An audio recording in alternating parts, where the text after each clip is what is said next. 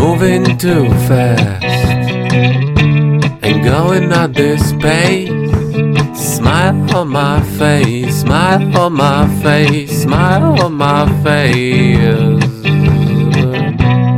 Moving too fast and going at this pace. Smile on my face, smile on my face, smile on my face.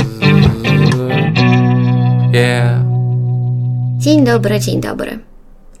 Dzisiejszy odcinek będzie dotyczył tematu, o którym chyba nikt z nas zbyt chętnie nie rozmyśla, ani tym bardziej nie rozmawia przy kieliszku wina ze znajomymi. Temat śmierci dotyczy każdego z nas i chyba nie ma na ziemi człowieka, który choćby raz nie rozmyślał nad tym, co dzieje się z naszą świadomością po tym, gdy umrzemy. W ciągu ostatnich dwóch tygodni o śmierci myślałam dużo i często, a przyczyną tych moich rozmyślań było odejście naszego ukochanego psa. Zaraz po nowym roku nasza rodzina musiała zmierzyć się z bardzo dla nas trudnym doświadczeniem.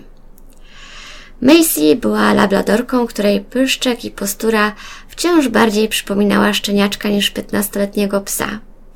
Jeszcze w październiku zdarzyło jej się wesoło brykać po podwórku. Natomiast wraz z nadejściem zimy stawała się coraz bardziej wycofana z życia, osowiała i bardziej ceniła sobie spokój i sen niż zabawy z nami. Starość wraz z każdym kolejnym miesiącem coraz bardziej utrudniała jej normalne funkcjonowanie. Coraz mniej widziała, dlatego zdarzyło jej się obijać o ściany. Nie za wiele też słyszała, więc nie reagowała na to, gdy ją wołaliśmy. Około pięciu lat temu, podczas zwykłej, rutynowej wizyty u weterynarza, okazało się, że zaczyna rosnąć jej guz. Powiedziano nam, że jej wątroba też jest w kiepskim stanie. Guz umiejscowiony był w takim miejscu, w którym ze względu na zbytnie unerwienie nie dało się go usunąć. Macy już wtedy miała ponad 10 lat, więc jest to wiek powszechnie uważany za dosyć sędziwy u psów. Powiedziano nam, że należy ją obserwować, ponieważ nikt nie jest w stanie stwierdzić, jak długo ten guz nie będzie dla niej stwarzał dużego dyskomfortu w codziennym funkcjonowaniu. Tą diagnozę przekazali mi moi rodzice, bo ja już wtedy od kilku miesięcy mieszkałam w Londynie. Pamiętam, jak poszłam wtedy na bardzo długi spacer po parku i płakałam, bo musiałam zacząć oswajać myśl, że być może w niedługim czasie będę musiała pożegnać się z nią na zawsze. Już wtedy obiecałam sobie, że jeśli trzeba będzie podjąć decyzję o jej uśpieniu ze względu na jej cierpienie, to przylecę do Polski i będę przy niej do końca. Zachowanie naszego psa jednak nie zdradzało żadnych oznak bólu. Wciąż zachowywała się jak szczeniaczek. Psociła w domu, a na spacerach, czując zew wolności, biegała jak szalona. Dlatego nic nie stało na przeszkodzie, aby mogła przyjechać do Londynu. Zamieszkała wraz ze mną i z Adamem. Wynajmowaliśmy niewielkie mieszkanko, które miało bezpośrednie wyjście na nieduży ogródek i dzięki temu Macy miała zapewniony odpowiedni komfort, bo nie musiała często chodzić po schodach. W Londynie nasz pies przeżył swoją drugą młodość. Dbaliśmy o to, żeby ją dobrze odżywiać i suplementować i otaczać całą masą miłości.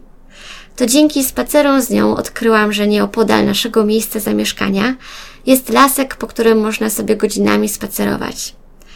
Macy była w świetnej formie. Czasami nawet zabierałam ją ze sobą, gdy szłam pobiegać. Dzielnie starała się dotrzymać mi tempa. Natomiast gdy byłam w ciąży, to była dla mnie towarzyszką w codziennych ponad 7-kilometrowych spacerach. Ponieważ większość czasu spędzałam pracując z domu, to była przy mnie przez cały czas.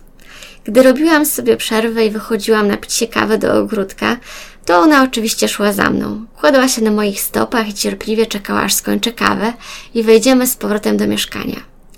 Zabierałam ją ze sobą, gdy musiałam coś załatwić na mieście. Jeździła ze mną autobusami i metrem.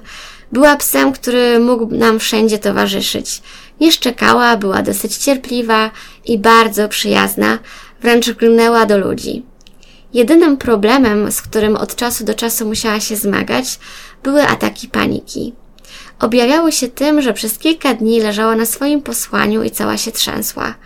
Bała się chodzić po mieszkaniu, dopiero na spacerach stopniowo wracała do siebie. Tak więc w tych trudniejszych dla niej momentach Musieliśmy otaczać ją szczególną troską i miłością. Na szczęście zwykle po kilku dniach wszystko mijało i na nowo wstępowało w nią życie cała masa niespożytej energii. Niestety mniej więcej od roku stopniowo można było obserwować to, że starość powoli daje o sobie znać. Gdy przeprowadziliśmy się do Polski, to widać było, że jest już coraz bardziej wycofana i żyje trochę w swoim własnym świecie. Powoli staraliśmy się oswoić z myślą, że nadejdzie dzień, w którym będziemy musieli się z nią ostatecznie pożegnać, lecz gdy łapy odmówiły jej posłuszeństwa i nie była już w stanie sama się podnieść, przestała jeść i pić, to wiedzieliśmy, że cierpi. Wszystko wydarzyło się praktycznie z dnia na dzień. Ten poranek, gdy zawieźliśmy ją do weterynarza, będzie dla mnie już zawsze jednym z najgorszych wspomnień. Widok cierpiącego psa, któremu nie jesteśmy w stanie pomóc, jest czymś, co rozdziera serce. W samochodzie wszyscy płakaliśmy i panowała w nim grobowa cisza, gdy jechaliśmy do weterynarza. Byliśmy z nią do końca. Gdy miała otrzymać drugi zastrzyk zatrzymujący akcję serca, to zostałam z nią sama, tak jak to sobie obiecałam pięć lat temu. Nie potrafiłam przestać płakać, nie chciałam jej tam zostawić. Gdy jednak zamknęłam za sobą drzwi od tej kliniki weterynaryjnej, to mój umysł absolutnie nie mógł pojąć tego, że już z nami jej nie ma. Nie potrafiłam tego zrozumieć ani się z tym pogodzić. Powrót do domu, w którym już jej nie było, był dla nas dosyć traumatycznym przeżyciem. Macy była członkiem naszej rodziny. Jej odejście sprawiło, że wszyscy poczuliśmy straszną pustkę i ogromną tęsknotę. Wiele osób ją opłakiwało, ponieważ Macy była psem, którego ja i mój brat otrzymaliśmy, gdy byliśmy jeszcze dziećmi. Ja miałam jakieś 15 lat, a mój brat około 10. Wychowywaliśmy się wraz z nią. Obydwoje traktowaliśmy ją jak młodszą siostrę. Czuję ogromną wdzięczność za to, że mogła dożyć i poznać moje dziecko. Odkąd Oliwka nauczyła się raczkować, to przychodziła do niej, aby ją pogłaskać. Tak bardzo cieszyła się zawsze na jej widok, że aż czasami krzyczała z radości. Mieliśmy ogromne szczęście, że nasz ukochany pies tak długo cieszył się świetnym zdrowiem i towarzyszył naszej rodzinie. Przeprowadzaliśmy się często, a ona wszędzie razem z nami. Gdy ja i mój brat staliśmy się dorośli, to pomieszkiwała z każdym z nas po trochu. Z naszą mamą, ze mną w Warszawie, z moim bratem w Krakowie. Później sprowadziliśmy ją do Londynu, gdzie mieszkała z nami, a na weekendy czasami zabierali ją moi rodzice do siebie. Natomiast te ostatnie miesiące spędziła z nami w Białymstoku. Wszyscy byliśmy z nią bardzo związani, dlatego gdy odeszła, to jeszcze tego samego dnia wieczorem zdzwoniliśmy się z moim bratem, zrobiliśmy sobie wideokonferencję i wspólnie oglądaliśmy nasze zdjęcia i filmiki z nią. Chcieliśmy w ten sposób wyrazić swoją wdzięczność za ten czas, który z nami spędziła. Wspominaliśmy, śmialiśmy się i wszyscy docenialiśmy to, jak długie i szczęśliwe miała życie.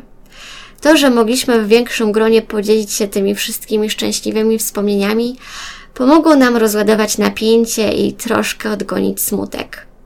Na drugi dzień wciąż jednak czuliśmy się strasznie przybici tym, że już jej z nami nie ma. Cały dzień był jakiś taki nijaki.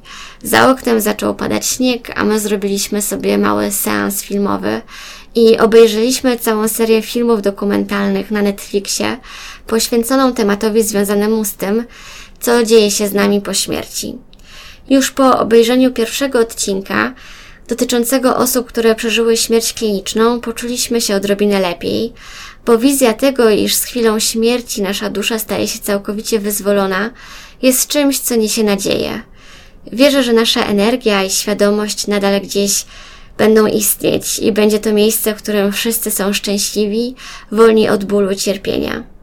Takie przeświadczenie pozwala mi mieć nadzieję, że Macy gdzieś tam jest i że jeszcze kiedyś znów będzie z nami. Jej odejście uruchomiło we mnie bardzo wiele różnych rozmyślań. Wydaje mi się, że śmierć stała się dla mnie odrobinę bardziej oswojona. Zawsze będę za nią tęsknić, żaden pies mi jej nie zastąpi. Dom jest teraz bez niej pusty, ale wierzę w to, że tam, gdzie Macy teraz jest, jest lepiej niż tutaj na ziemi. Budowana przez lata więź z psem lub kotem jest czymś niezwykłym. Ta nić porozumienia między człowiekiem i zwierzęciem jest czymś, co ciężko opisać.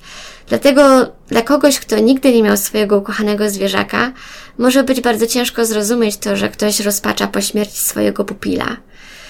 Przeczytałam ostatnio wywiad z weterynarzem, który opowiadał, jak bardzo jest mu przykro, gdy ludzie rezygnują z bycia przy psie w tych jego ostatnich chwilach tuż przed uśpieniem.